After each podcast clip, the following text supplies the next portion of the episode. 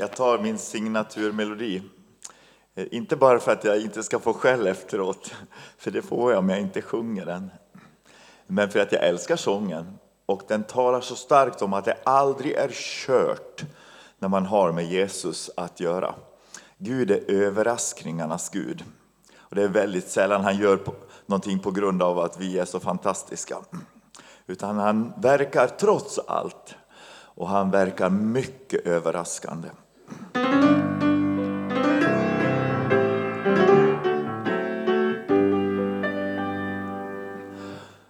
Vid Genesaret en morgon fick jag se dig komma fram. Du gick ner till oss vid näten där vi satt vid båtens stam. Och du talade om fiske men på ett annorlunda sätt. Kasta näten ut men på större djup på ett nytt Genesaret. Du ska följa mig, så sa du. Vi ska bilda fiskelag. Vi ska ut på storsjöfiske av ett något annat slag. Och så gick vi, bara gick vi. Något märkligt hade skett. Du gick före mig och jag följde dig ut på ditt Genesaret.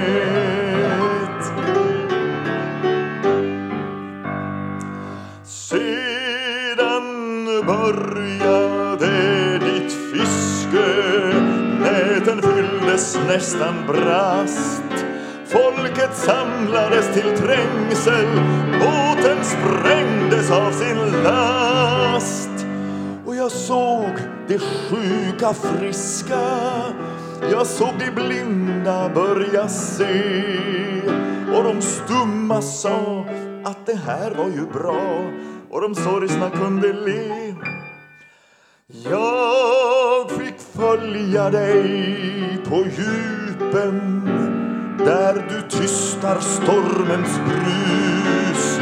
Jag fick se dig gå på vågen och min hela dag blev ljus. Utav kornbröd, några fiskar, hela folket åt sig med Före mig, jag bara följde dig ut på ditt Genesaret.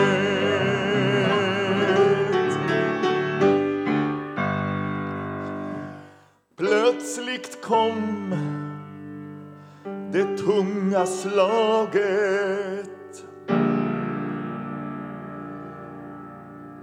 Vi gick hem till våra nät. Vid Genesaret på stranden satt vi alla tyst och grät. Och vi började vårt fiske på vårt gamla trista sätt. Slängde näten ut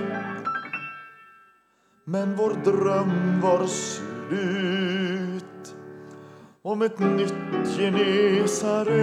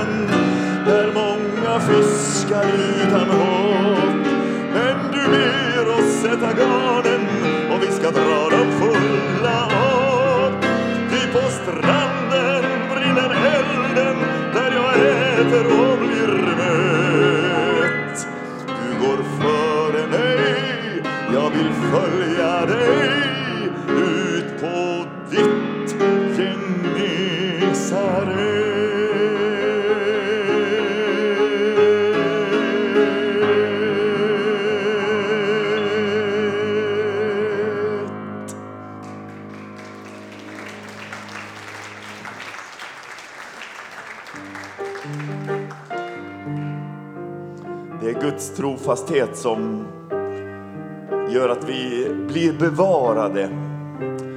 Petrus skriver så mäktigt i det första kapitlet av sitt brev.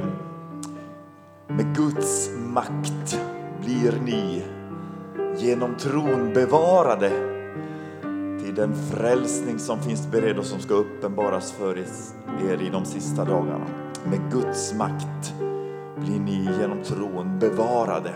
Genom blodet har han frälst mig och bevarat mig som sin. Låt oss tacka Gud för hans trofasthet och att han aldrig släpper taget om det sina. När frågorna är många, tårarna är slut, orden känns så trånga, det är svårt att hitta ut. Det skriker i mitt hjärta, alla tankar irrar runt. Var finns du i all min smärta? Alla tröstord ekar stumt. Jag ber dig, släpp mig aldrig, Herre. Låt mig aldrig gå. Dra mig till din närhet ber förstå djupen av din kärlek, vidden av din nåd, höjden av din styrka. Herre, jag vill leva igen.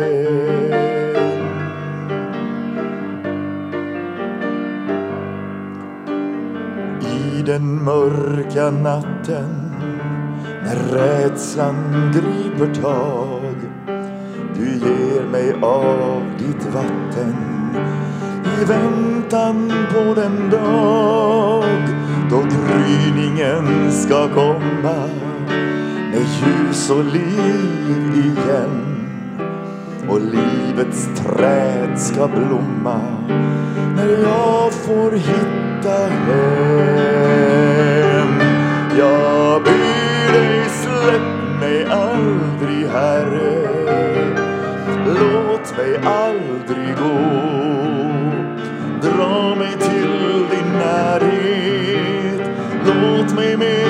Mer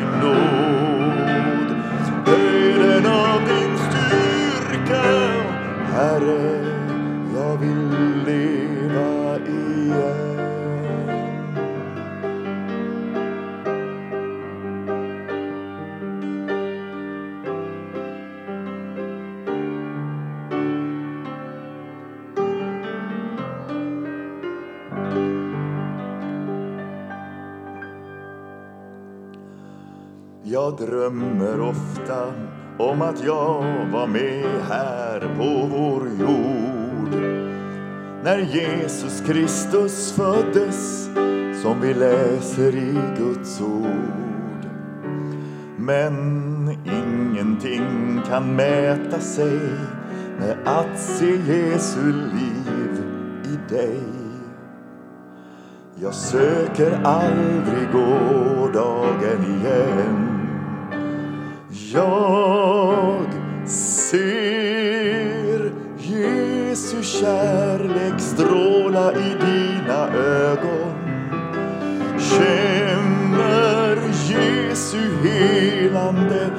när du rör vid mig. Jag hör Jesus i din röst, därför vill jag lyssna. Och jag vågar älska dig, för du är hans. Jag ser honom, jag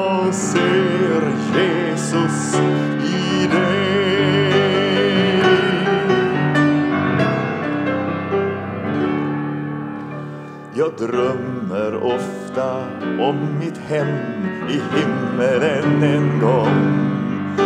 När jag får se Guds rike där och höra änglasång.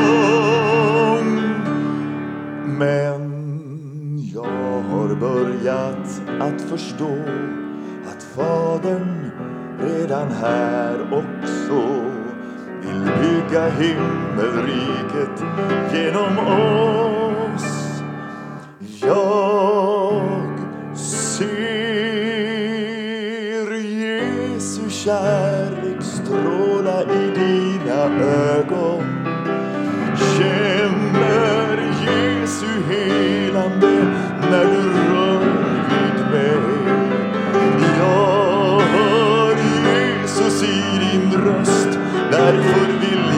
jag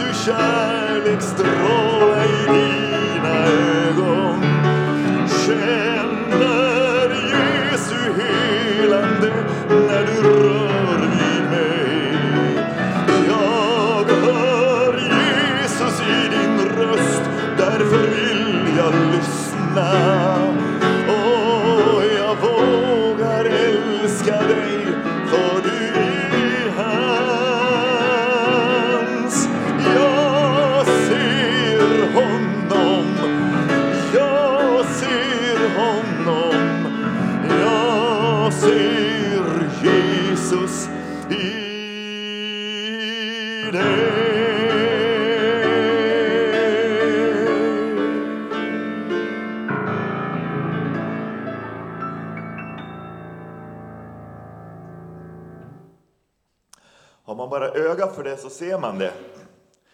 Vi har ju en tendens att titta på våra naturliga ehm, attribut och haka upp oss på dem. Men vi behöver bli bra på att se varandra i Kristus.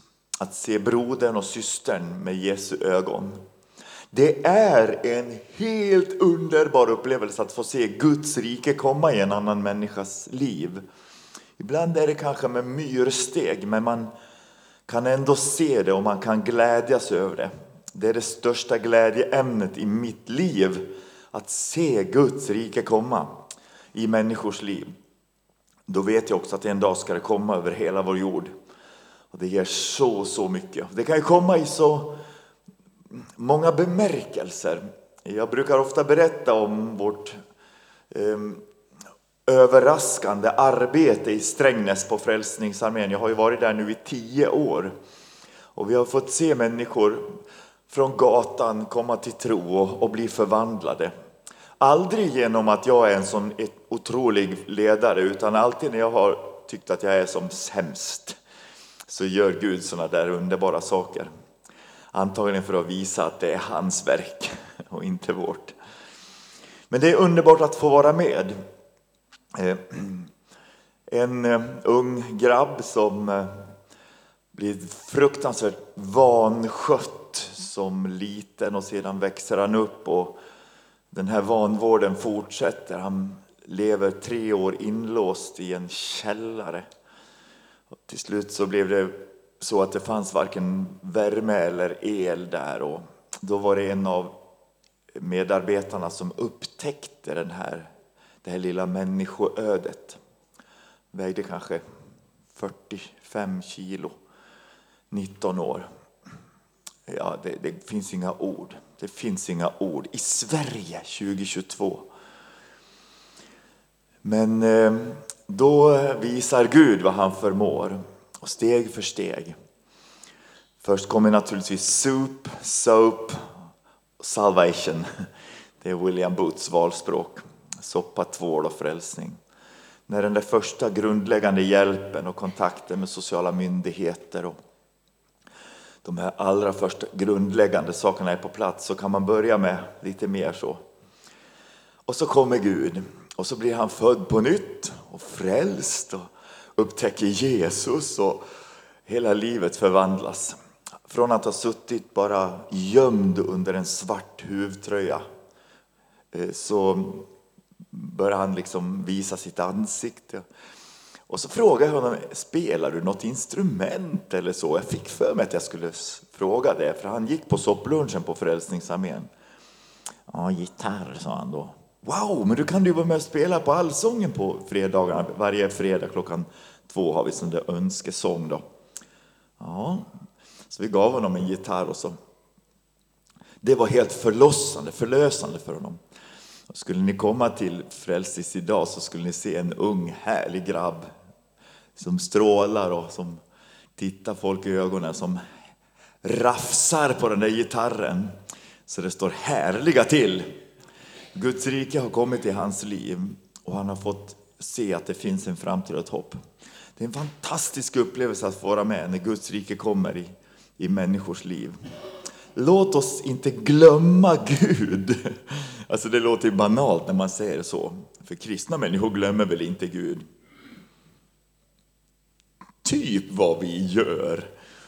Hans närvaro får vi ibland påminna oss om, för att vi är så distraherade.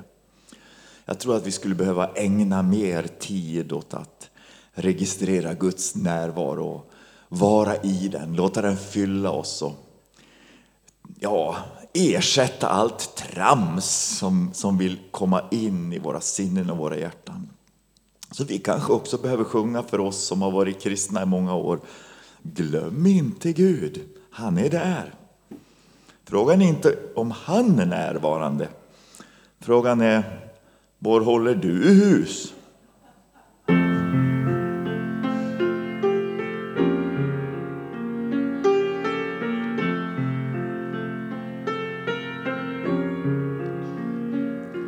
Glöm inte Gud.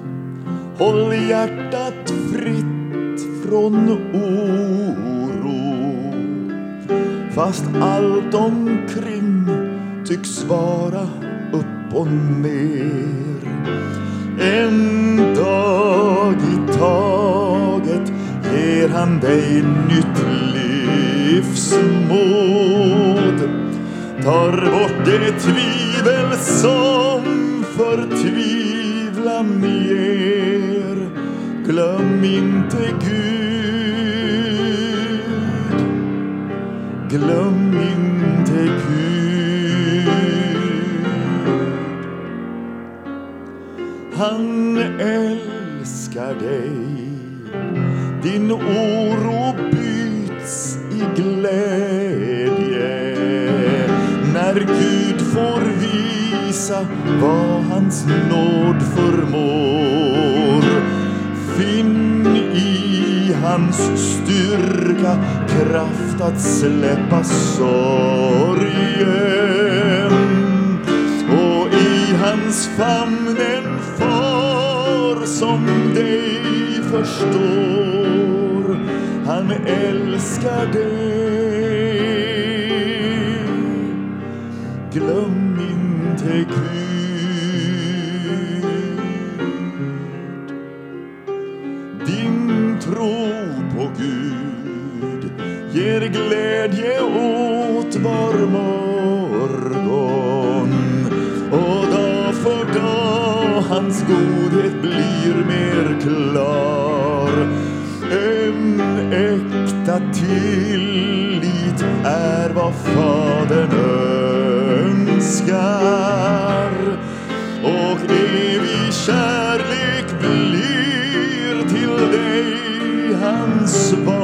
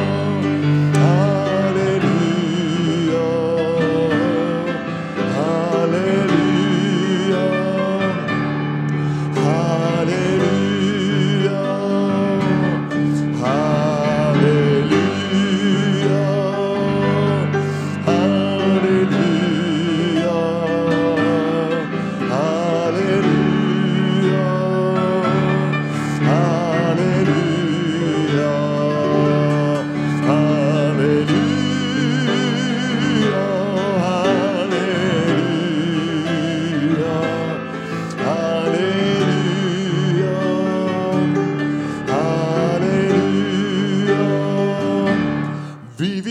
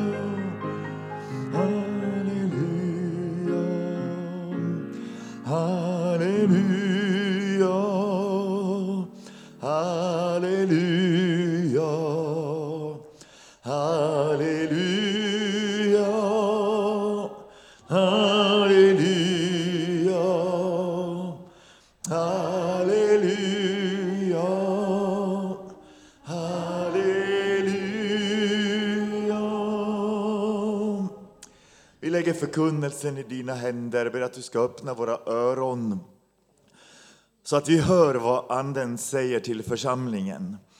Att du ska öppna våra ögon så vi ser undren i din lag. Att du ska öppna våra hjärtan så vi kan ta emot allt du vill ge oss. Tack för det ord som är levande och verksamt i den som tror. Att du formar oss till dem du har ämnat oss att vara och till redskap i din hand, instrument för din kärlek, verktyg för ditt rike. Jag ber Gud att den här stunden ska få vara djupt meningsfull för oss var och en. Att du ska dra oss så där riktigt, riktigt nära ditt hjärta och dina syften med var och en av oss personligen och de församlingar vi representerar. Jag ber att hela Roslagen ska få översvämmas av Guds närvaro för att vi var här den här eftermiddagen. Vi tror dig om stora och förunderliga ting. I Jesu namn. Amen. Ja, han är med oss. Det är han alltid. Han är alltid närvarande som sagt. Men han är med på ett speciellt och välsignande sätt. För Lukas och jag hade inte rådgjort om några texter. Du visste inte att jag skulle tala om andra Korintierbrevet 4. Så det var ju en verkligt härlig sån där gudomlig överraskning. Och det finns verkligen med det du, det du nämnde där. Fascinerad över det här att människan är skapad till Guds avbild.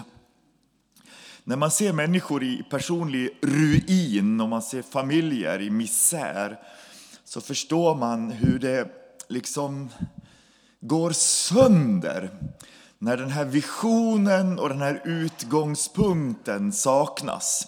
Skapad, skapad till Guds avbild. Det är ju grunden för människosyn och människovärdet. Och det förändrar allt hur vi tänker om medmänniskan. Vi vet att vi måste eh, ibland ja, genomföra säkerhet och åtgärden för att vissa människor är så, så destruktiva. Därför har vi ju fängelser och det finns olika vårdinstanser. Sådär. Men vi får aldrig sluta se människan som människa skapad till Guds avbild. Även de som inte tror på honom går ju faktiskt och bär på den kallelsen. Ehm, så det är någonting stort som står där i Första Mosebok 1. Det är ju så tidigt som allra helst alltså. I Första Mosebok 1 och 27. Och Gud skapade människan till sin avbild. Till Guds avbild skapade han henne. Till man och kvinna skapade han dem. Och Gud välsignade dem och sa till dem och så vidare. Så kommer kallelsen. Och det här, han välsignade dem, det är ordet barach eller baruch. Eh, och det betyder egentligen att blanda liv, att ge av sitt liv. De här verserna hänger ihop. För att ni ska kunna vara mina avbilder så välsignar jag er. Och eh, det är oerhört viktigt alltså. Och jag ger av mig själv till er. Det är vad han säger. Jag ger av mitt liv, jag ger av min närvaro. Jag ger av min härlighet skulle man faktiskt kunna säga med paulinskt språk. För Paulus säger att alla människor har syndat och gått miste om Guds härlighet och därmed också möjligheten att fullt ut kunna leva i kallelsen att vara Guds avbild. För det går inte att göra det utan Gud. Det är nämligen ingen inbyggd generator utan det är en alldeles speciell avbild. Och det är så oerhört vackert det här tycker jag hur vi är kallade att återspegla. Och nu kommer vi då till Andra Korintierbrevet. Och jag läser faktiskt ifrån kapitel 3 och det vill jag utgå några sekunder ifrån här den här eftermiddagen.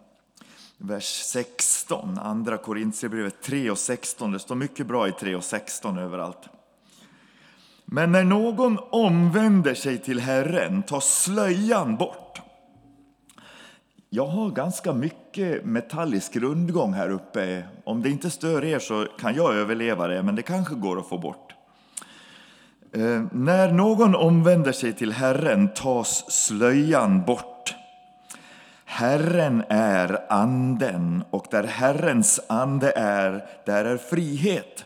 Och så kommer den här. Och alla vi som med obeslöjat ansikte ser Herrens härlighet som i en spegel. Men här översatte man lite annorlunda i 1917. Och jag föredrar faktiskt den, för det står det så här. Alla vi som återspeglar Herrens härlighet. Vi förvandlas till en och samma bild, från härlighet till härlighet. Det sker genom prestationsångest. Nej du, det läste han fel. Från, vi tar om det. Alla vi som med obeslöjat ansikte, alltså då har man kommit till tro, omvänt sig till Herren, och då tas slöjan bort. Vi förvandlas, transformerar, metamorfosis. Vi förvandlas till en och samma bild. Det sker genom Herren, Anden. Så ska det stå. Mm, jag läste fel på flit, det förstod ni. Det sker genom Herren, Anden. En förvandling från härlighet till härlighet. Jag kan inte säga att jag helt och hållet förstår det här, men jag anar att här ligger någonting underbart i kallelsen till varje kristen människa. Att med avhöljt ansikte, ärligt och uppriktigt träda fram inför Gud så att man kan återspegla honom. Eh, och det här tror jag verkligen har med att vara skapad till Guds avbild att göra. Det handlar om att helt enkelt få spegeln renoverad, restaurerad. Få spegeln eh, lagad och upprättad, spegelbilden. Många av de gamla teologerna använder den bilden när syndafallet sker i första Mosebok 3 och människorna går ut ur välsignelsen, säger upp den välsignande bekantskapen med Gud och vill klara sig själv. Ja, då mister hon hans härlighet och spegeln krossas. Den rasar samman i tusen små splitter. Och det är så vi kanske kan se på människor som lever utan Gud och utan hopp i världen, som Paulus säger. Tänk att man kan leva så, utan Gud och utan hopp i världen. Det är inte mina ord, utan det är Nya Testamentets ord. Eh, man kan se att människan har fallit. Människan har fått en ond natur. Människan är inte god av naturen. Jesus sa sådana stränga ord. Han sa, om nu ni som är onda förstår att ge era barn goda gåvor, hur mycket mer ska inte Gud ge gott åt dem som ber honom? Men han kunde ändå säga så. Och Paulus kunde säga, jag vet att i min onda natur bor ingenting gott. Det är kraftiga uttryck som Bibeln ger oss för att beskriva den andliga verkligheten i människans liv. Ond natur, fallen människa, utan Gud och utan hopp i världen. Men så sker undret. Gud talar för andra gången, var det ljus. Och han som talade den gamla skapelsen så att galaxerna kom till. Han talar på nytt, var det. Och så skapas den nya skapelsen och en människa blir en ny skapelse i Kristus Jesus. Och så börjar den här ursprungskallelsen, bilden att återupprättas, den återupprättade gudsbilden. Det är så dråpligt, i riktigt gamla böcker så står det om gudsbelätet. Nej, ni är så unga så ni har inte läst sådana böcker. Guds beläte. Beläte, det låter ju fruktansvärt. Det låter som någon avgudabild. Jag brukar kalla min mobil för belätet. Jag tycker det är det mest bedrövliga man kan ha i sitt hem. En mobiltelefon. Hur som helst, det var en parentes. Guds belätet, gudsbilden, att spegla Gud blir möjligt på nytt. Och Det här är ju en underbar text, eller hur? Alla vi som med obeslöjat ansikte återspeglar Herrens härlighet. Vi ser honom så som i en spegel. Vi förvandlas. Eh, när vi kommer inför Gud, träder fram inför Gud och träder fram inför hans strålglans, inför hans härlighet, inför hans helighet, så sker någonting förunderligt. Då upplever vi inte en eh, rykande dom över våra liv. Nej, rättfärdighetens sol har gått upp med läkedom under sina vingar. Så när vi träder in i Guds närvaro så läks vi av läkedomen som strömmar ur rättfärdiggörelsen av tro alena. Att bli helgad, att bli helig, att få avbilden återupprättad, det handlar om att bli läkt. Och jag tycker så mycket om att, för på grekiska heter det hagios och hagiasmos och sånt där. Men på svenska heter det ju helig och hel, hel finns med där. Du är helig, sjunger väl um, någon gammal kändis i Svenska kyrkan. Du är hel. Du är alltid mycket mer än vi någonsin kan förstå. Du är nära ändå. Just det, du är helig, du är hel. För det ligger nämligen i uttrycket att vara helig. Det är att vara komplett, att vara återställd. Gud säger ju i sitt ord i första Petrus brev, ni ska vara heliga, för jag är helig. Och då tänker man kanske så här, jaha, att bli helig måste vara att bli Gud. Men det säger han inte. För Gud är det naturligtvis att vara Gud som är att vara helig. Gud är ju ämnad att vara Gud, om man säger så. Det blir ett märkligt resonemang. Och när Gud är helig så är han 100% Gud. Men vi skapades inte till att vara Gud. Vi skapades till att vara människor. Skapade till Guds avbild. Så när vi blir heliga, då blir vi originalversionen av dem vi faktiskt skulle vara. Vi blir den äkta Lukas, den äkta Daniel, den äkta Mia. Vi återgår till ursprunget. Det är ju underbart, vi hittar hem genom helighet, genom helgelse. Vi blir hela som människor. Ibland har ju helighet och helgelse framställts som att man ska bli så konstig som möjligt. Det blir fullständigt omöjligt att vara med och få glasartad blick och prata obegripligheter. Det är bara överspändhet, det är inte eh, helighet. Gör som Gud, bli människa. Jag tror det finns en bok som heter så. Och det, här är så, och det var därför det var så mäktigt att du läste andra Korinthierbrevet där. För då säger han lite längre vi förvandlas till en och samma bild, då får vi alltså gemensamma drag.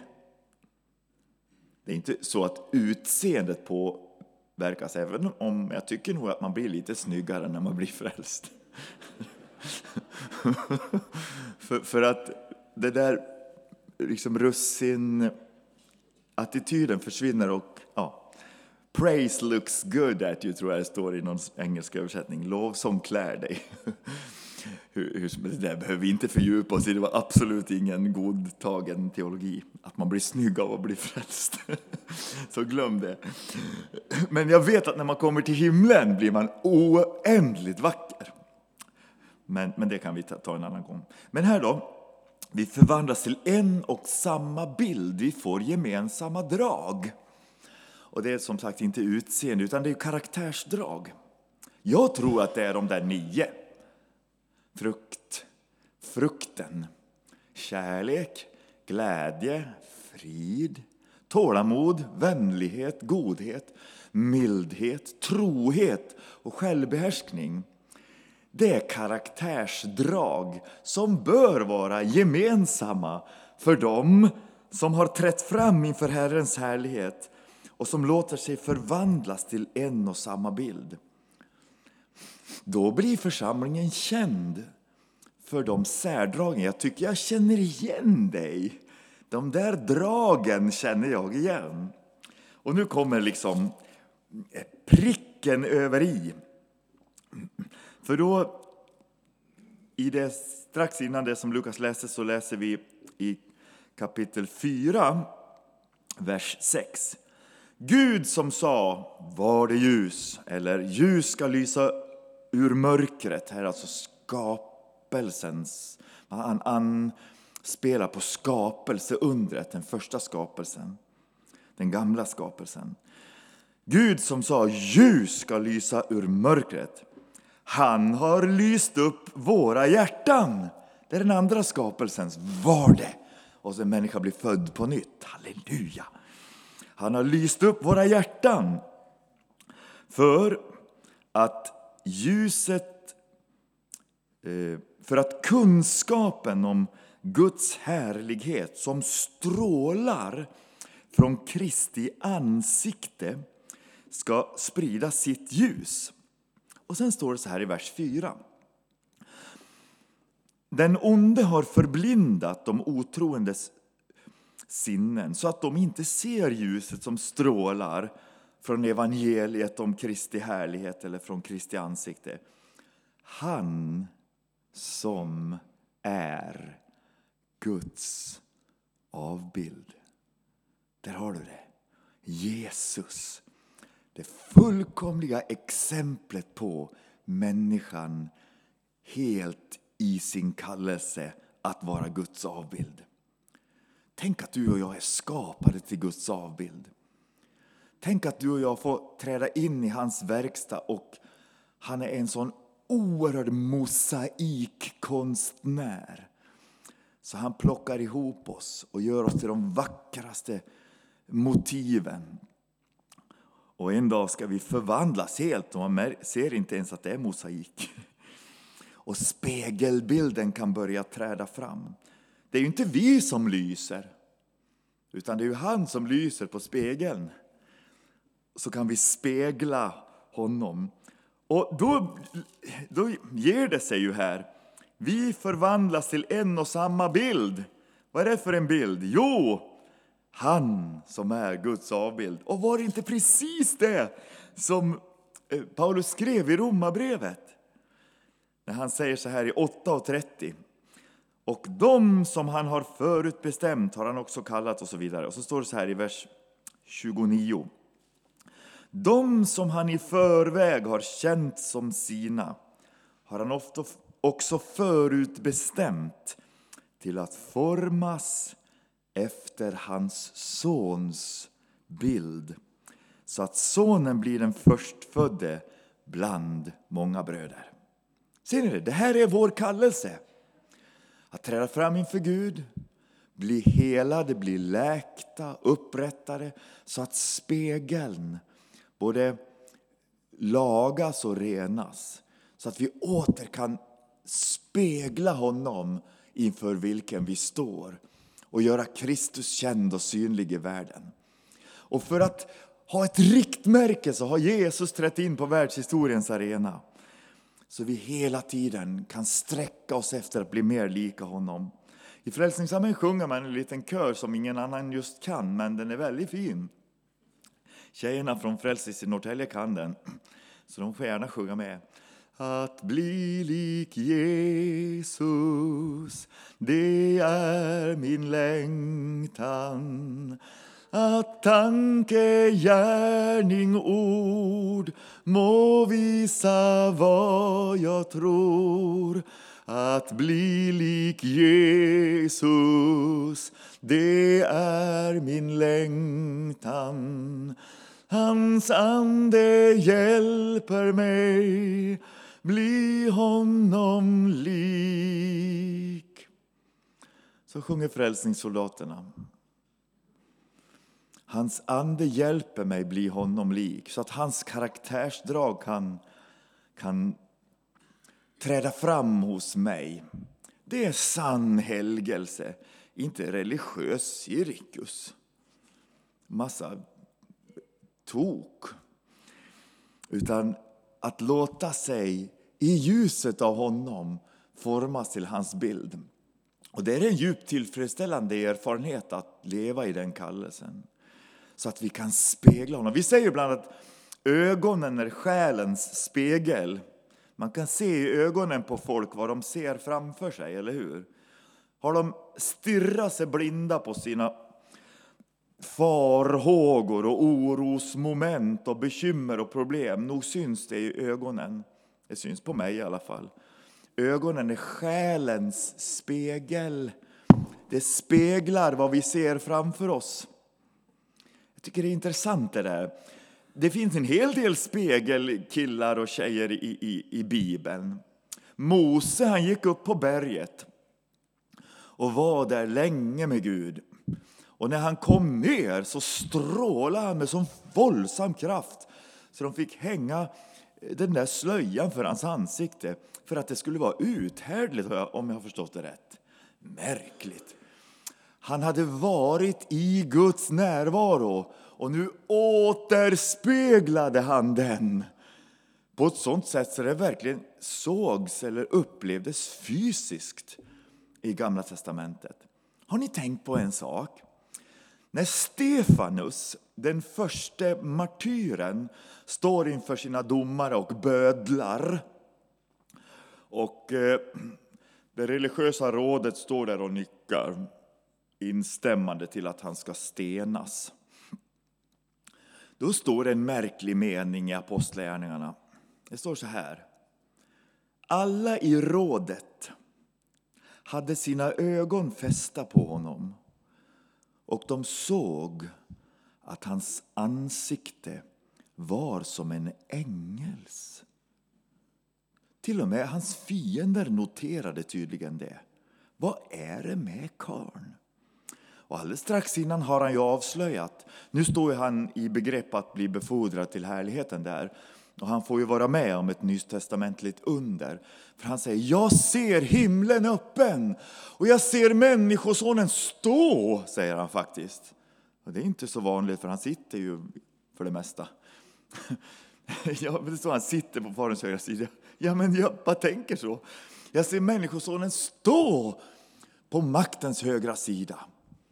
Han stod inför den förhärligade Kristus och han återspeglade honom symboliskt sett, då, eller andligt sett, ja fysiskt faktiskt på något sätt. Så att till och med rådet kunde konstatera att hans ansikte var som en ängels. Det här ger oss så, så stark förkunnelse om vad vi är kallade till.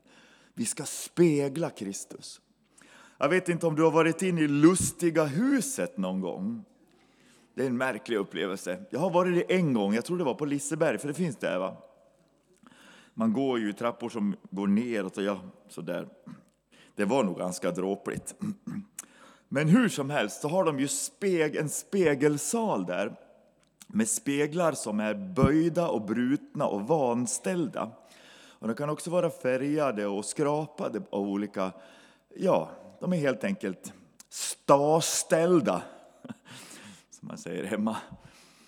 Och när man trädde fram inför en sån där spegel så tänkte man, vad är det för ett monstrum? Och så visar det att det är ju jag. Alltså kvaliteten på spegeln, spegelns beskaffenhet, det låter väl snyggt, avgör hur återspeglingen blir. Jajamän. Nu blir det lite jobbigt på helgelsemötet. Vad speglar du där du går fram? Vad kan människor läsa i dina ögon? Alltså, att drabbas av helighetslängtan är ju att drabbas av kallelsen att vara den man innerst inne djupast är. Och det är att, inte att vara någonting i sig själv. Utan Gud är vi i det här fiaskot som vi ser runt omkring oss. Vi borde ju veta bättre än att spränga och skjuta och mörda och våldta varandra vid det här laget. Bildningen verkar inte bita. Nej, det enda som hjälper är att den osynliga handen sträcks ut och vi får uppleva en andlig väckelse på nytt. Det är det enda som kan rädda Sverige från gängkrigen. Det är de riktigt kraftiga väckelserna. Gud välsigne de som arbetar med det där. Jag hörde lite som en parentes att eh, LP-stiftelsen har börjat ett nytt, mycket, mycket, mycket behjärtansvärt arbete. Jag tror det heter eh, Operation Exodus. Och man vill ställa upp för unga män som vill lämna gängen och på något sätt eh, hjälpa dem ut ur det. Exodus betyder ju uttåg. Be för det. Jag tror att det kan bli väldigt tufft, men jag tror att det är väldigt välsignat. Det hjälper inte med bildning. Det enda som hjälper är förvandling. Alla som träder fram inför honom förvandlas till en och samma bild. Jag har i liten skala fått se mer än förändring, jag har fått se förvandling. När kärnan innerst inne i en person förvandlas, då blir förändringen så speciell. Och det är det vi längtar efter. Jag tänkte jag skulle berätta en sak, med risk för att ni tycker att jag är överspänd Men eh, jag kan inte förneka det, och det har verkligen hänt. Och det är verifierat av så många. Och det handlar inte om mig, utan jag tror det handlar om att Gud ville ge mig en hälsning om att här är på riktigt. Det var precis strax innan millennieskiftet, det var väl då vi, du hade varit på möten med mig, med farbror Daniel. Jag var 25. Jag var så gammalmodig. Nu, nu passar det bättre med min gammalmodighet än det gjorde då. Jag, jag har liksom växt i kapp den. Men i alla fall, så det var kvällen före nyårsafton och jag var i mitt hem i Dalarna. Jag var väldigt tacksam för vår nyårskonferens, den påminde om den här.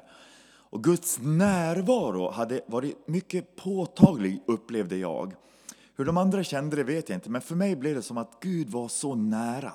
Så att alla andra perspektiv försköt, så jag kände Gud, jag vill vara med dig. Jag tror ni känner igen er lite i det där. Ehm, och jag tackade Gud för att jag satt på sängkanten. Och plötsligt så kom den heliga Ande så starkt. Liksom, och jag föreställde mig någonting så fantastiskt på insidan. Hur jag liksom trädde fram på en jättestor arena. Och jag stod högst upp på den där eh, arenan. Den var formad ungefär som en idrottsstadion.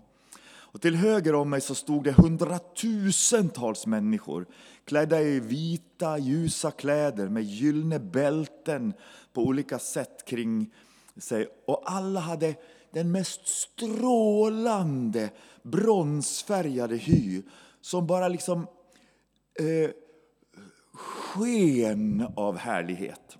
Och likadant till vänster, det var rad efter rad efter rad med människor som var klädda på det här oerhört vackra sättet och hade denna gudomliga utstrålning. Jag har aldrig sett så vackra mänskliga varelser i hela mitt liv som jag såg i den här inre upplevelsen.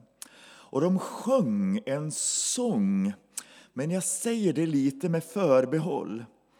För det var inte det som vi kallar för sång.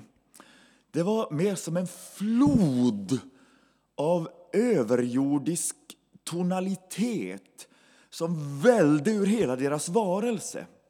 Mycket mer än att de använde stämbanden. Det var som att de var en lovsång. Jag förstod den där Hultgren-sången mycket mer efteråt. Jag vill göra mitt liv till en lovsång till dig. Där var ton skall en hyllning till dig bära. Lovsång är mer än vad vi sjunger. Och det blev så klart för mig där. Jag stod och tittade ömsom till vänster, ömsom till höger i den här handliga upplevelsen. Då. Men jag insåg att de hade alla sina ögon fästade vid samma centrum. Och jag hade inte vågat lyfta blicken. Så här verklig var den här upplevelsen för mig. Eh, för jag förstod att, att det hade med Gud och Guds härlighet att göra. Men till slut så kom det en sån betvingande längtan över mig. Säga, ja, det får bära eller brista. För jag kände verkligen bävan inför detta. Jag måste se det de ser. Och jag lyfte blicken. Och i samma ögonblick som jag gjorde det så brände det till på mina kinder. Och det var alltså de fysiska kinderna. på, i, i, på Folkets husvägen i Vansbro. Eh, och eh, det var liksom som en skjuts sådär som... Uh, och jag kan inte säga att jag såg Gud, men det närmaste jag kan beskriva det jag upplevde, det var liksom sån där sol som barnen ritar på teckningarna med, med strålar som går ut till åt sidan och så en leende mun. Och det, det var mycket märkligt. För jag hade kanske för så här, Daniel, vad har du gjort med ditt liv? De är lite religiöst, de har inte förstått Guds godhet. Va? Eh, men det fanns ingen förebråelse. Det, var verkligen, det finns verkligen ingen fördömelse. Utan det var bara välbehag.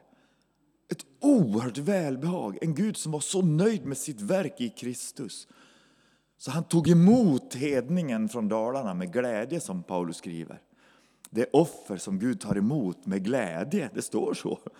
Att han tar emot oss som, en, som glädje. Och det var så. Nu efteråt har bibelorden fallit på plats, men då refererade jag inte så mycket till dem. Ja, och det var en förunderlig känsla av att vara djupt, djupt accepterad, bekräftad och älskad av Gud själv. Ja, sen slocknade den där upplevelsen och jag gick väl och la mig som vanligt. Så var det ju nyårsafton och jag gick upp och duschade och så skulle jag åka tillbaka till morgonbönen i kyrkan. Och eh, då när jag kommer ut på gården så kommer mamma, hon hade sparken, det var ju i december naturligtvis så det var mycket snö. Så kommer sparken ner för backen, de bor på andra sidan gatan där. Och hon är väldigt pratglad, framförallt på morgnarna. Där har jag inte ärvt min mor. Jag är inte grinig eller så, men jag är inte så verbal före elva. Till elva mötet kommer jag igång då. Hur som helst så Alltså, hon började ställa så mycket frågor. Och hur var mötena igår då? Vad Georg där? Och gick det bra då? Var det mycket folk? Och, och jag tänkte jag måste se lite stressad ut så jag får komma iväg någon gång. Så jag satte in ena foten i bilen så där för att se lite jäktad ut. Ja. Och så säger hon plötsligt så här, vad brun du har blivit, har du varit i solarium? Ja, det borde din bror Markus också, han har varit så blek och ämlig. Och så, och så sparkar hon iväg och tänkte, va? Mamma, jag har aldrig varit i ett solarium i hela mitt liv och det är mitt i vintern och jag är fullständigt ointresserad av det där. Men döm om min förvåning när jag sätter mig i den där gamla 740 och vinklar ner spegeln så ser jag att jag har fått som, som en liksom solbränd nyans. Och de kommenterade där sedan under hela nyårshelgen, vilken fin färg du har fått. Och jag, jag visste inte hur jag skulle... Alltså för att jag hade inte hunnit sortera den här upplevelsen än. Eh, men Gud ville ändå, för det här var en engångsföreteelse och ingenting som jag överhuvudtaget varken hade bett om eller kunnat föreställa mig. Han ville på något sätt berätta för mig att min närvaro är så mycket verkligare än ni anar. Jag är så mycket närmare än ni tror. Ni kan på ett mycket, mycket mer intimt sätt vända er till mig och vandra i ljuset ifrån mig där ni går fram. Det finns en plats beredd för oss var och en. Den där platsen i vårt inre, i vår inre människa som vi hörde om i inledningen. Där vi får träda fram inför Gud. Och låta oss präglas, är inte det ett bra ord? Prägla, man präglar ju mynt. Låta sig präglas av hans egenskaper. Och mena, eh, nyansen på hyn spelar ju absolut ingen roll om, om inte den inre världen blir solljus, om man säger så. Så det här var min hälsning till er här i Roslagen. Ta ett steg den här eftermiddagen, älskade vänner. Säg ja till Guds närvaro. Rensa ut allt dravel som har kommit in och ockuperat Guds plats i era sinnen och era hjärtan. Häv ut det elände bara. Om det inte går själv så ta hjälp av en förebedjare. För den där platsen i vårt inre, vår inre människa, den är för dyrbar för att vara fylld med den här världens dumheter. Den är reserverad för honom. Det inre rummet är hans. Augustinus han sa, Gud till oss har du, till dig har du skapat oss. Gud, till dig har du skapat oss och våra hjärtan är rastlösa förrän de finner ro i dig. Så kommer det vara med din inre värld också. Den kommer att vara rolös tills du hittar hem i honom. Jag kan inte ta några stora kvalitetsbeslut åt dig och det kanske egentligen ingen predikant kan göra. Men jag vet att vi skulle kunna ta avslutningen nu i vår gudstjänst här och vi skulle kunna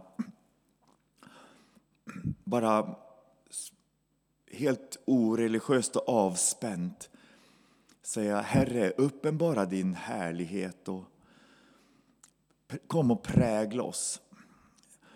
Kanske din spegel är så bucklig så att du ger en, en vanföreställning om Gud där du går fram. Det är jätteallvarligt. Det är jätteallvarligt.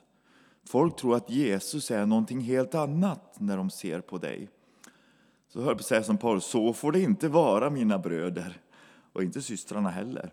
Visst vill vi väl spegla den verklige Jesus och ingen avart. Och därför tänker jag att vi kan få träda fram och få bli helade så, så att bucklorna försvinner, reporna försvinner. Och så tar han fram det renande blodet så ytan blir blank. Jag vet att så länge vi är i den här tidsåldern så ser vi som i en dunkel spegelbild. Och, och, och vi kommer ju inte i, ända till himlen på den här sidan eh, eh, tidsåldern. Men jag tror att vi kan ta steg och komma längre. För den här världen ropar efter att få se Jesus. Kyrkan är väl fin och de religiösa är väl okej. Okay.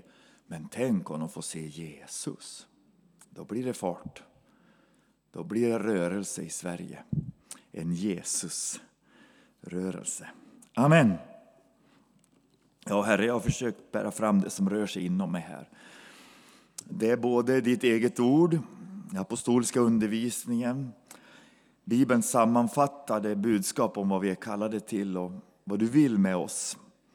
Det är en förmån, men det är också min egen längtan, min egen passion att få leva i det här. Jag kommer till korta så många gånger, Herre, och jag skäms varje gång jag har ockuperat ditt område.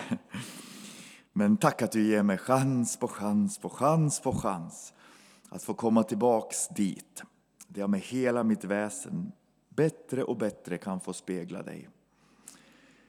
Jag ber att du ska möta oss var och en och dra oss in i din öppna famn. Du vet om någon behöver bli läkt.